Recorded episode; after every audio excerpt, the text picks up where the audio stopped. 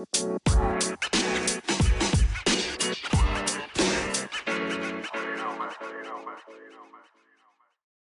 hey, super tof dat je luistert naar een nieuwe aflevering van de Positief met Pubers podcast.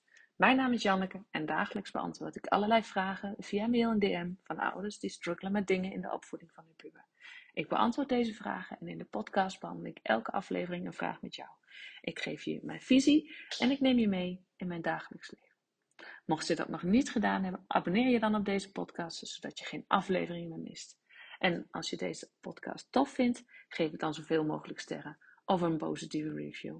Hoe meer positieve reviews, hoe meer platforms als Spotify en Apple Podcasts deze podcast gaan aanbevelen aan andere ouders die deze podcast nog niet kennen. Daardoor kan ik groeien met deze podcast. Maar wat ik nog belangrijker vind, daardoor kan ik nog meer ouders bereiken die met soortgelijke struggles zitten als dat jij misschien zit. Je zou me enorm plezier mee doen. Dus dank je wel alvast. En nu gaan we gauw beginnen. Yes, goedemorgen, middag, avond. Tof dat je weer luistert. Nieuwe Positief met Pubers podcast. En vandaag, nou je hebt het al gelezen. Hoe zorg ik ervoor dat mijn puber mij niet zo boos maakt? Nou, ik kreeg een, een berichtje van een moeder. En uh, ik denk dat het wel interessant is. En die wij allemaal wel zullen herkennen. Nou ja, ik herkende mijzelf er wel in. Dus ik dacht, ik ga er een podcast. Wat ze schrijft. Oeh, mijn puber weet precies hoe hij mij moet raken en boos moet krijgen. Soms lijkt het alsof hij dit bewust doet. Net die ene opmerking maken waardoor ik boos word. Dit wil ik niet en ik denk dat mijn zoon dit ook niet expres doet. Wat kan ik doen of hoe kan ik reageren zodat mijn puberzoon mij niet meer zo boos maakt? Nou, een hele interessante. En wat ik al zei, ook eentje waar ik zelf ook mijzelf ook in herken en waar ik zelf ook wel mee struggle. Kinderen die het bloed om die nagels vandaan halen. Hoe ga je daarmee om? Hoe reageren of hoe reageer je juist niet? Nou, wanneer je deze podcast te langer volgt, weet je dat ik het vaak heb over je hebt altijd een keuze. Natuurlijk heb je niet overal controle op. Denk bijvoorbeeld aan situaties of gebeurtenissen waar je niet voor gekozen. Zowel leuke dingen als niet leuke dingen. Weet je, je kiest er bijvoorbeeld niet voor om, nou ja, om ziek te worden zoals wij uh, van de week. Of uh, je kiest er ook niet voor om te vallen of je te stoten. Je kiest er ook niet voor dat er een uh, dierbare overleed. Dat wil je liever ook niet. Daar heb je geen controle over. Waar je wel controle over hebt, is hoe je omgaat met die situaties. Daar heb je wel een keuze in. En dit geldt ook voor een ruzie of een discussie met je kinderen. Je hebt geen controle over de reactie van je kind of van je puber. Je hebt geen controle over hoe hij zich voelt. Waar je wel controle over hebt, excuus, is de manier waarop jij en hoe jij omgaat met je puber op het moment dat hij boos is. Dus wanneer je puber boos is en boos reageert naar jou, heb je daarin een keuze. Reageer je rustig, reageer je ook boos omdat hij iets raakt. Dat is namelijk een keuze. Je kan er dus voor kiezen, zoals ik net al zei, om ook boos te worden. Wat ik in sommige situaties ook echt kan begrijpen. Kan er ook voor kiezen om het niet te doen. Je kan een opmerking persoonlijk maken en je aangevallen voelen. Je kan er ook voor kiezen om dat niet te doen.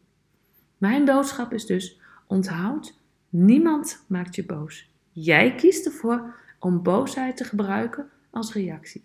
Jij maakt dus die keuze om boos, verdrietig of teleurgesteld te zijn, maar aan de andere kant ook blij of enthousiast of vrolijk te zijn op een reactie. Niet je puber. Je puber triggert je, ja zeker. maar jij maakt die keuze. En natuurlijk, echt, ik snap hem, ik heb dat zelf ook. Het is soms gewoon verdomde moeilijk om in sommige situaties vanuit rust te reageren. En dat lukt mij ook niet altijd. Maar ik weet wel hoe ik reageer, of hoe ik ook reageer.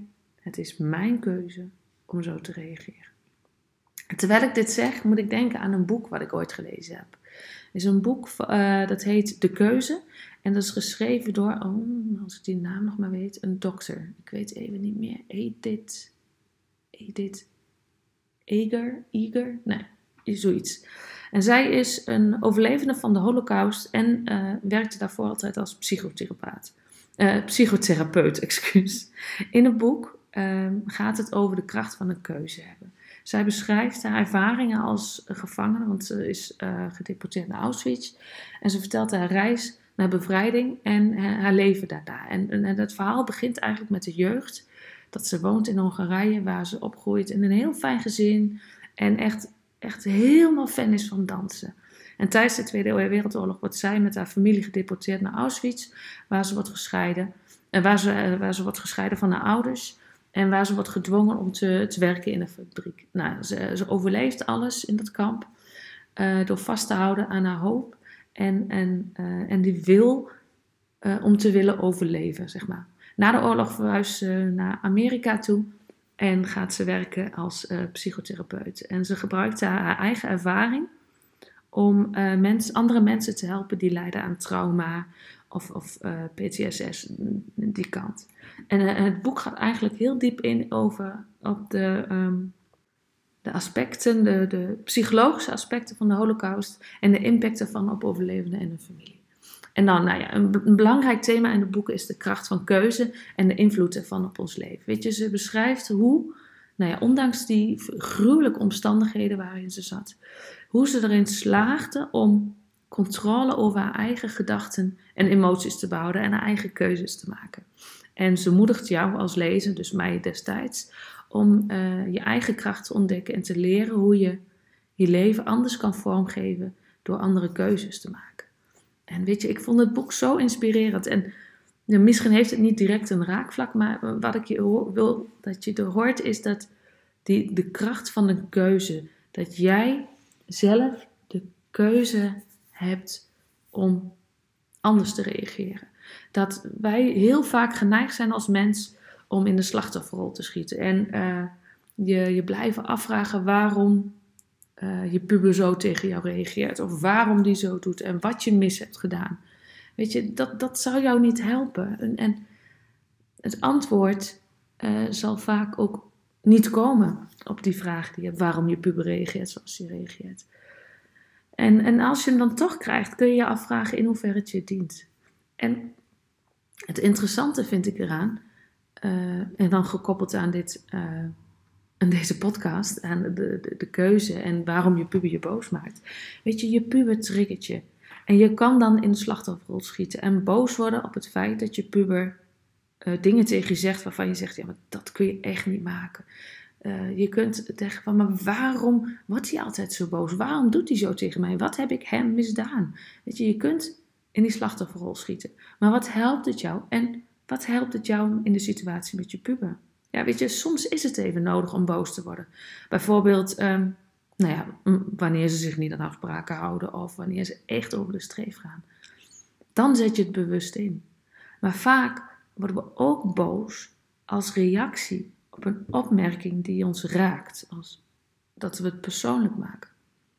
En, en dan is het de kunst, en dat is niet gemakkelijk, om rust te bewaren en je te beseffen dat het 9 van de 10 keer, of misschien 99 van de 100 keer, niet bewust bedoeld is. Maar vaak is het net zo, wanneer je dan boos reageert, wanneer je vanuit die emotie reageert, dat het andersom ook net zo raakt. En dan kom je, kun je in die machtsstrijd terechtkomen.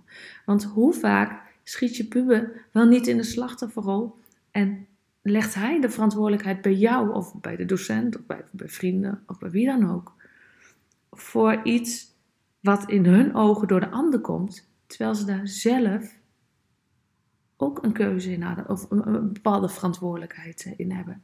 En dan mogen ze leren dat ze ook zelf verantwoordelijk zijn voor de dingen, eh, voor dingen in hun leven. Dat ze altijd een keuze hebben. En soms is het de keuze uit twee nou ja, negatieve, zeg maar zo. Want als ik dit tegen de puber zeg, dan zeggen ze vaak: ja, maar als ik een keuze had, zou ik niet naar school gaan. Nee, soms zijn er dingen die gewoon moeten. Want als, ja, je kunt een keuze maken om niet naar school te gaan. Maar ja, dan heb je een probleem vaak met leerplicht en naar alle gevolgen van dien. En dat willen ze dan vaak ook niet, dus daarom gaan ze maar naar school. En aan de andere kant weten ze ook echt wel dat school ook eh, hen verder zal helpen. Want onze maatschappij, zoals ik al vaker zeg, is er nog steeds op ingericht dat je een diploma nodig hebt om een bepaalde baan te krijgen. Nee, goed, dat is een andere discussie, gaan we het nu niet over hebben. Maar ze mogen leren dat ze zelf ook verantwoordelijkheid mogen pakken. Dat ze altijd een keuze hebben. En dat is ook waar heel veel scholen steeds meer op gaan inzetten, op die eigenaarschap van leerlingen. En daar leren ze dan stap voor stap. En daar hebben ze onder andere ook jou bij nodig. En dat begint al bij hoe reageer jij op je puppen? Hoe ga jij zelf om met situaties? Interessante, want ook al zullen ze dat niet zeggen, en dit heb ik ook al heel vaak gezegd, maar jij bent en blijft een voorbeeld voor je kinderen. Altijd. Maakt niet uit hoe oud ze zijn.